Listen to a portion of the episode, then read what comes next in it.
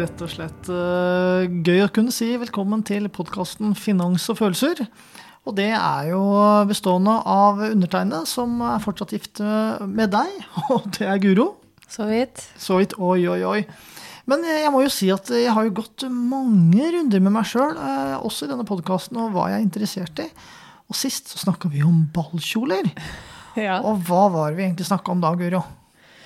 Jo, vi tok opp dette temaet med eh, ungdom og spesielle anledninger. Vi har jo før snakket om eh, bunader og konfirmasjon, og denne gangen var det da skoleball som eh, sparka i gang eh, vår diskusjon, fordi det er jo en viktig dag. Eh, alle jenter, nei, ikke alle, men mange jenter har liksom drømt om hvordan de skal se ut den dagen. Viktig dag. Og de har jo da selvfølgelig ikke drømt om en eller annen loppemarkedskjole. Eller det er ikke mange som har gjort det, i hvert fall. Og det er jo svindyrt. Jeg ble helt sjokkert over hva slags sånn bløtkakeopplegg eh, som er eh, greia nå til dags. Ja, men så fikk jo vi nesten fyra internett også. Det var mange som kommenterte, og jeg så at Instagram-kontoen vår spratt opp når vi tok det opp. Veldig kjempegøy. Eh, det er jo, fins jo ikke noe svar på disse tingene. ikke sant? Og det er jo det vi driver med. Å bare sparke i gang noen refleksjoner og diskusjoner, og ikke minst prøve å få folk på banen med noen gode løsninger. Så ja, Ja. en spennende diskusjon. Vi skal ta dagens tema, som er bolig, men vi, du må først eh, svare. Hvordan var det vi løste dette ballkjoleproblematikken? Ja. Um, ja. Uh, Dattera vår hadde jo da lyst på en, en fin kjole, og jeg må innrømme at Altså, jeg har jo selvfølgelig aldri i mitt liv fulgt med på ballkjolemarkedet, så var jeg til å tro noe som helst? Men jeg hadde nå uansett ikke trodd da, at det var så dyrt som det det er. Men så hadde jeg ikke lyst til å være så kjip heller. Jeg er jo ganske ofte kjip. Det føler jeg at denne podkasten viser, at jeg er både streng og gjerrig eh, ganske ofte. Jeg skal ikke svare på det. Nei. Men så syns jeg det er gøy å være en ja-person noen ganger, som skjønner på en måte at oi, det her er viktig. Så vi, eh, hva skal jeg si, ja, eh, prøvde å lete på Finn og Tice og sånn, fant ikke helt det rette, da. Så, og dette rette hadde jo hun klar mening om, selvfølgelig. Så vi endte da med å la henne gå i en ballkjolebutikk og kjøpe en jævla dyr kjole, må jeg si. Men du må faktisk fram med to hender for å telle om tusenlappene. Ja. Og det er helt, eh, helt ulikt oss. Men så kommer det som er likt oss, da. Og det er jo selvfølgelig Vi har jo registrert at det er et utleiemarked også på ballkjoler. King, king. Det er kanskje ikke riktig like innbringende som utleieboliger, som vi også skal snakke om. ja, ja. Eh, kanskje ikke like innbringende som uh, utleieboliger, som vi skal snakke om annet i dag. Men en mulighet eh, for å lære ungdommen litt om eh, på en måte en slags business-tankegang. Ja. Og at det er mulig å finansiere større kjøp ved hjelp av utleie. Så dermed har vi nå også startet i ballkjoleutleiebransjen. Ja. Og det er jo rett og slett beskjed til alle dere foreldre der ute. Ønsker de seg sykkel, ski, eh, sko, seng, hva det skal være, alt kan leies ut. Alt kan leies ut, og så er det noe med å få med liksom de unge på å lete etter løsninger, da. Mm. Istedenfor å tenke sånn som vi pleier. Så Ja. det er litt uh, spennende, rett og slett. Ja, Ja. men det, det viktigste vi kan gi barna våre, i tillegg til kjærlighet, er jo kunnskap om økonomi. ja. Noe av det viktigste. Er, så. Ja. er det et par ting andre ting som er litt ålreit? da? Ja. Ja.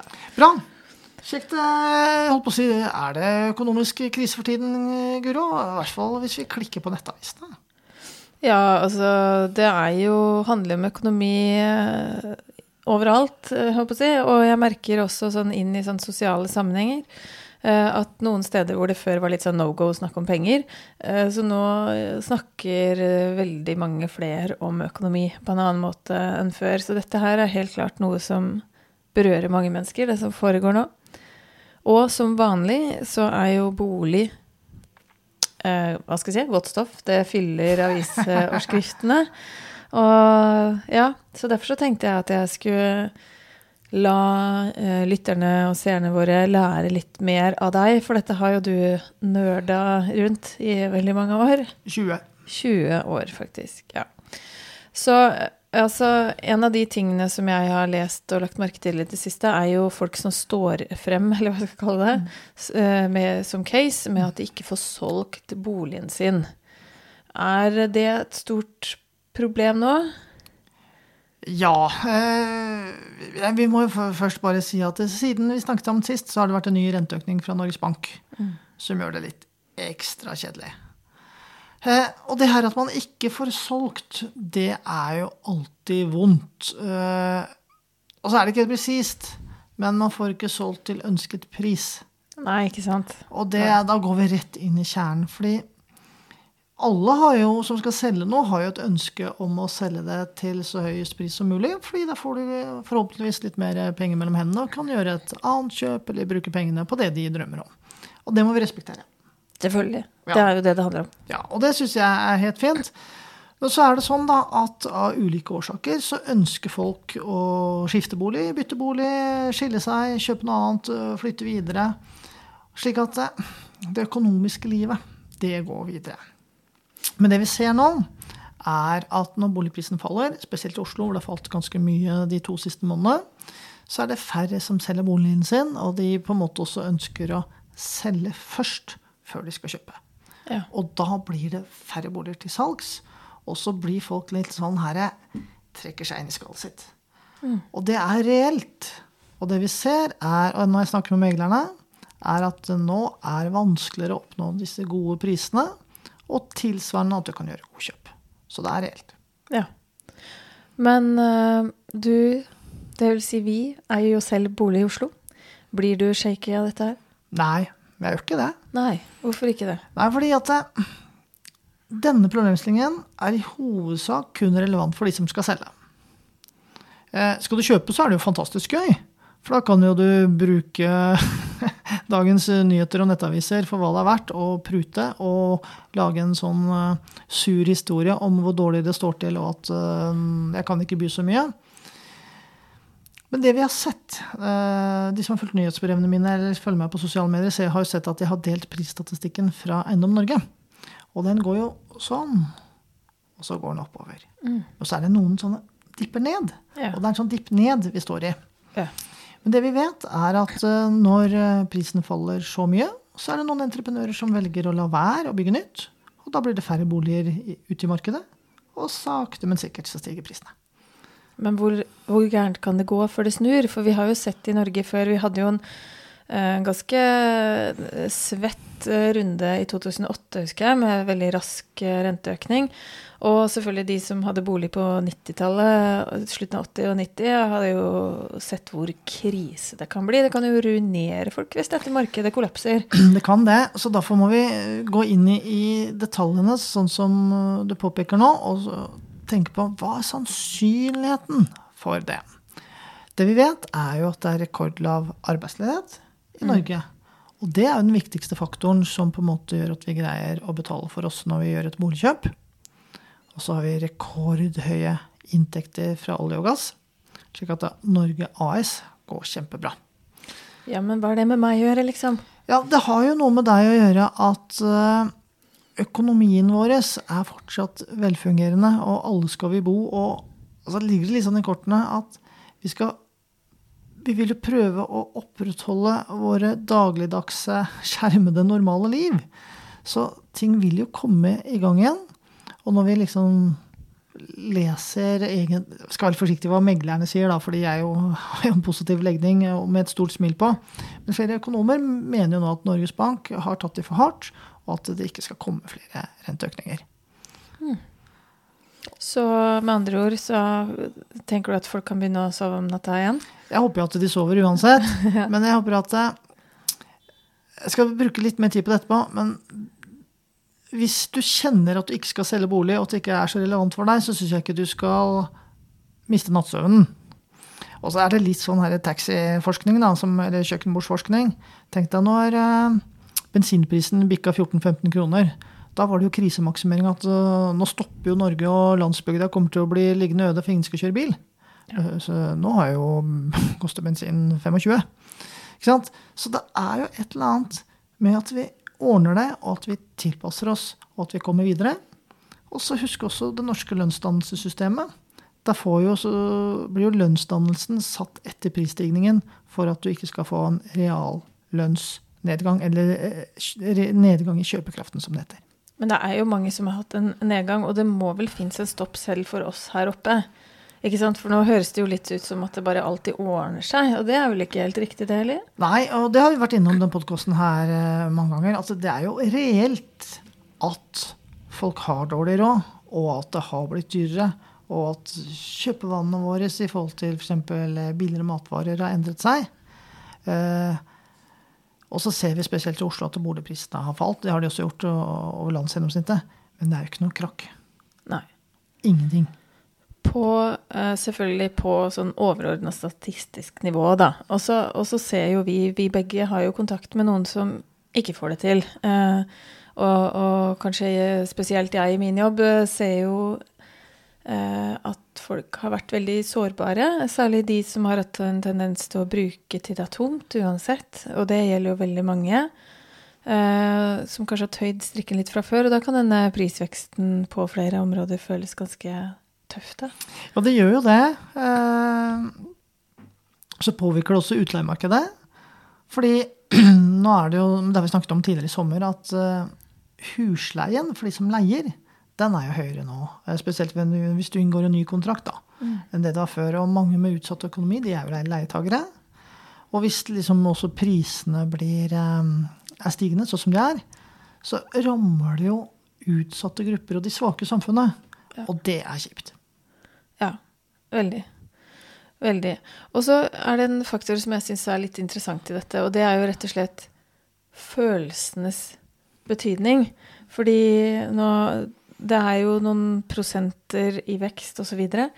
Men er det ikke litt også med disse tingene som f.eks. med aksjer, ikke sant, at, eh, at folk kan få unød, unødig enten fyring eller panikk, liksom. Og at det også er med på å påvirke dette bildet. Nå, snakker vi om bolig igjen, da, og hvordan det oppleves. Du, det der syns jeg er et veldig godt poeng. Og det er et veldig underkommunisert poeng.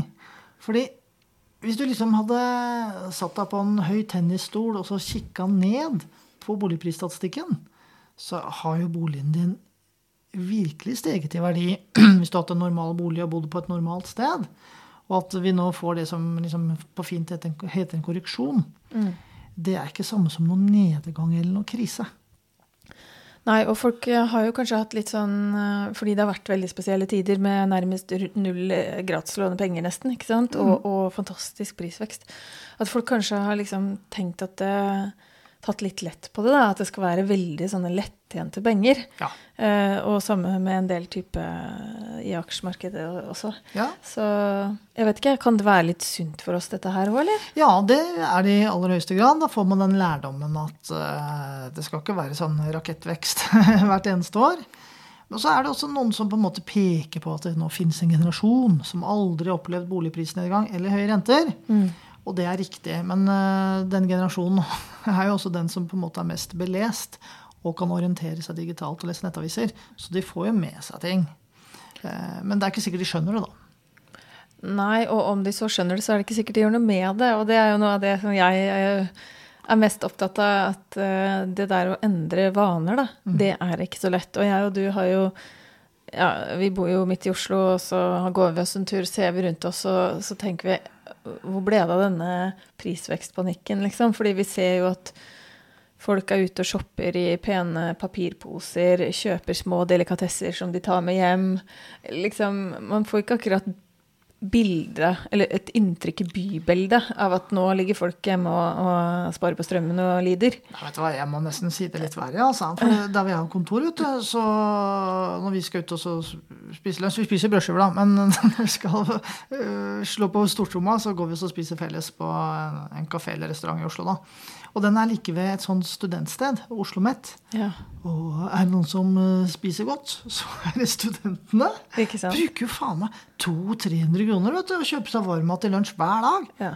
Så det er ikke noe dårlig råd der. altså. Nei. Og så har de telefon til 15 000 og antrekk til jeg vet ikke hvor mye jakkene de har. Men det, det, er ikke gratis å være student. altså.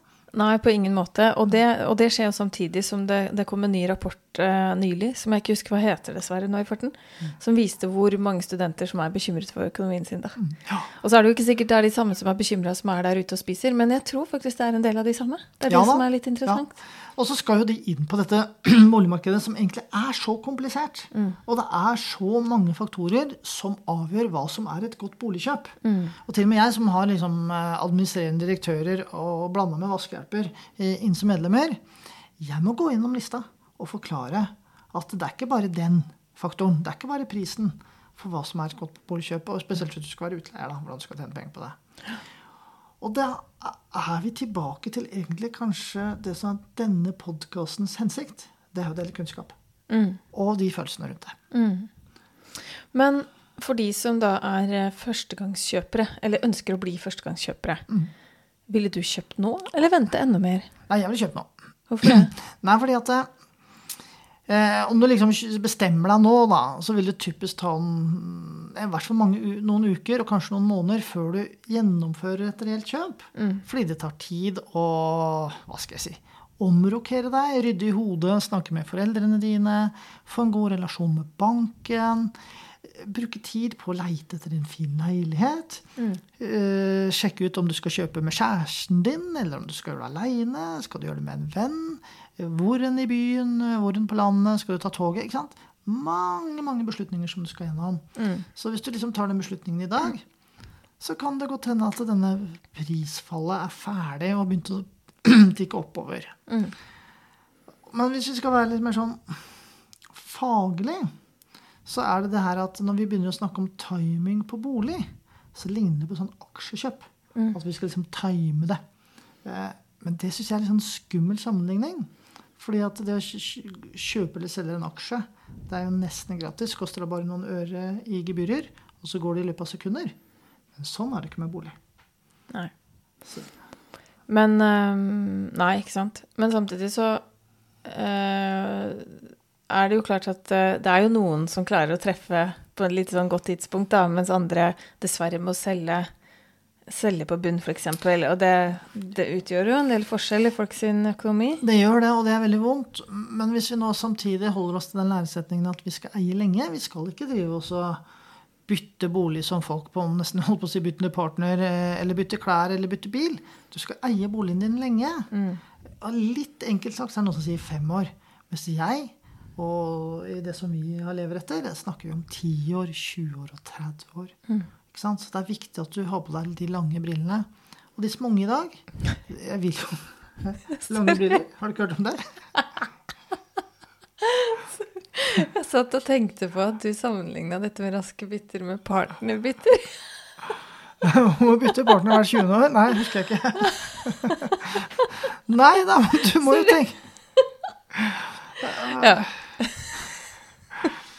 Nei, men Poenget da er jo at mm, det største feilen folk gjør i boligmarkedet, er ikke at de bytter partner, men at de bytter bolig for ofte. Først så kjøper de en ettroms, og så kjøper de en toroms, og så kjøper de en treroms, og så kjøper de en fireroms. Den som tjener penger på alle de byttene, hvem er det? Det er eiendomsmegleren. ja. Ja. Og det vil du ikke ha nå. Det vil vi ikke ha nå, for vi vil at du skal gjøre færre boligkjøp. Ja. Færre partnerbytter. Og hvis du i tillegg finner ei kjerring som er billig i drift og holder på her lenge Det har jeg gjort, og da går det deg godt i livet.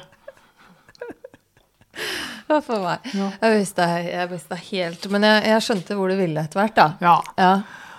Det betyr at timing eh, blir mindre og mindre viktig. For de få det høres litt dumt ut å si de få hundre tusen, men de få prosentvisende svingningene som du greier å kanskje fange nå, da, når du eier en bolig i 20 år, får veldig, veldig lite å si. Mm. Men Ja, det var ikke meninga å bryte igjen. Å nei. Men du gjorde, du gjorde det for det. Ok, her kommer det noe kjempeekte. Nei, altså, nei, vi skal ikke snakke så mye om eh, timing, da skjønner jeg. Men jeg vil jo allikevel si at de som har kjent en stund at jeg har lyst til å kjøpe bolig, så gjelder det å komme ned fra gjerdet nå. Ja. Fordi det er så mange som er redde for å gjøre kjøpet, har jeg inntrykk av. For det er så mye, det er så stort, det er så viktig, det er så mye som kan gå alt og sånn. Men det er jo, man kan jo nøle seg, nøle i årevis og gå glipp av massevis av avkastning, ikke sant? Det kan man, og så kan man da uh, gå glipp av avkastning, samtidig som man må leie et sted og bruke pengene der, fremfor å bruke pengene på en egen boliginvestering. Ja. Bolig- Bolig er en investering, husk det. Og, og typisk eh, å leie koster jo fort vekk dobbelt så mye som det du ville brukt i rentekostnader på en uh, kjøpt bolig, ofte. Det gjør det. Ja, så det er en dårlig butikk. Det er en dårlig butikk. Mm. Og da er vi inne på følelsene rundt dette her med boligkjøpet. Og da er det sånn at hvis du leser nettavisene, så får du krisefølelse. Ja. Alt er dyrt, alt er gærent, alle er sure, alle er slemme, og alle boligene faller. Eller hvis det på en måte stiger litt, så er de altfor dyre. Så du finner aldri dette helhetsblikket. Og det er jo nyhetsmedienes eh, store forse. Det er det de skal. liksom Få oss til å klikke og lese og presentere nye ting. ja, ikke sant. Men man mister jo oversikten. Ja. Og, og jeg også, sånn fra mitt eh, hva skal jeg si, ja, hverdagsarbeidsliv, hvor jeg studerer eh, hvilke grep hver av oss kan ta i økonomien vår, og hvor mye det utgjør, så kan jeg jo si at den prisveksten vi har sett på andre områder, den er jo, som vi har sagt, eh, høyst reell. Eh, Men samtidig så ser jeg at eh, den er ikke noe høyere enn det veldig mange ganske lett kan liksom knipe gjennom vanene sine. Og det er jo litt fint å tenke på. Så hvis man har lyst til å inn i boligmarkedet, så, så, så gjelder det å se på det samtidig, da. Ja. Ja. Og det er jo liksom vårt mantra, da. At du har alltid ledig kapasitet i din egen- egen økonomi til å rydde litt. Mange har det. Mange har det ikke. Ikke alle. Nei. Men uh, vi skal snart runde av. Men uh, hva med hyttemarkedet? Har du noe peiling på det, eller? Nei da. Jo da. Jeg har jo kjøpt og solgt noen hytter, jeg også, og hjulpet medlemmene mine til det også. Ja. Hyttemarkedet det spretter opp og ned mer enn en sprettball i takt med den økonomiske temperaturen, eller i forhold til hva man tror temperaturen er. Det betyr, På fint så heter det volatilt, og det betyr svingninger. Og nå så er det vanskelig å få solgt hytta si, for folk vil ikke ha det. Fordi de tror at de ikke har råd til det, og de tror at de kanskje ikke trenger det. Eller at de venter på at det skal falle. Så hvis du har lyst på hytte og har en økonomi til det, så er det godt tidspunkt å kjøpe hytte. Ja. Det var klart. Det var ganske klart, og det, og det er jo interessant. eh, Vi så jo pandemieffekten, ikke sant? hvor alle ville ha hytte i Norge. Ja. Og så nå eh, hytte og hund. Ja. Og nå vil de kvitte seg med både hytte og hund. Ja, tenk deg det. Mm. Stakkars hunder. Ja. Bra. Er det noe annet du har lyst til å legge til på tampen da, eller? Har vi vært igjennom det viktigste? Nei, ikke annet enn at eh, vi må liksom erkjenne at det å kjøpe bolig og selge bolig er komplisert. Og det er kanskje den største og den vanskeligste økonomiske beslutningen den enkelte gjør. Etter eh, karriere og utdannelse, vel å merke. Ja. Så det gjelder å ta til seg litt kunnskap, da, for de som kan det først. Ja. Men så må man hoppe i det. ja. ja. Og hvis du har lyst til at denne kunnskapen som vi har delt med deg, skal øh, gå til nytte, ja, gå til nytte har du hørt, deles med andre, og at de også kan lære seg litt, så setter vi pris på om du deler det du finner her, tar tommelen opp, kommenterer og sender den til en venn eller en uvenn. Er uvenn. Så det er fint, da. Jeg tenkte at kan man bli venner. Når man, Deler alt. Ja. Ja. Tusen takk for at du fulgte oss, og ses neste gang. Takk for følget.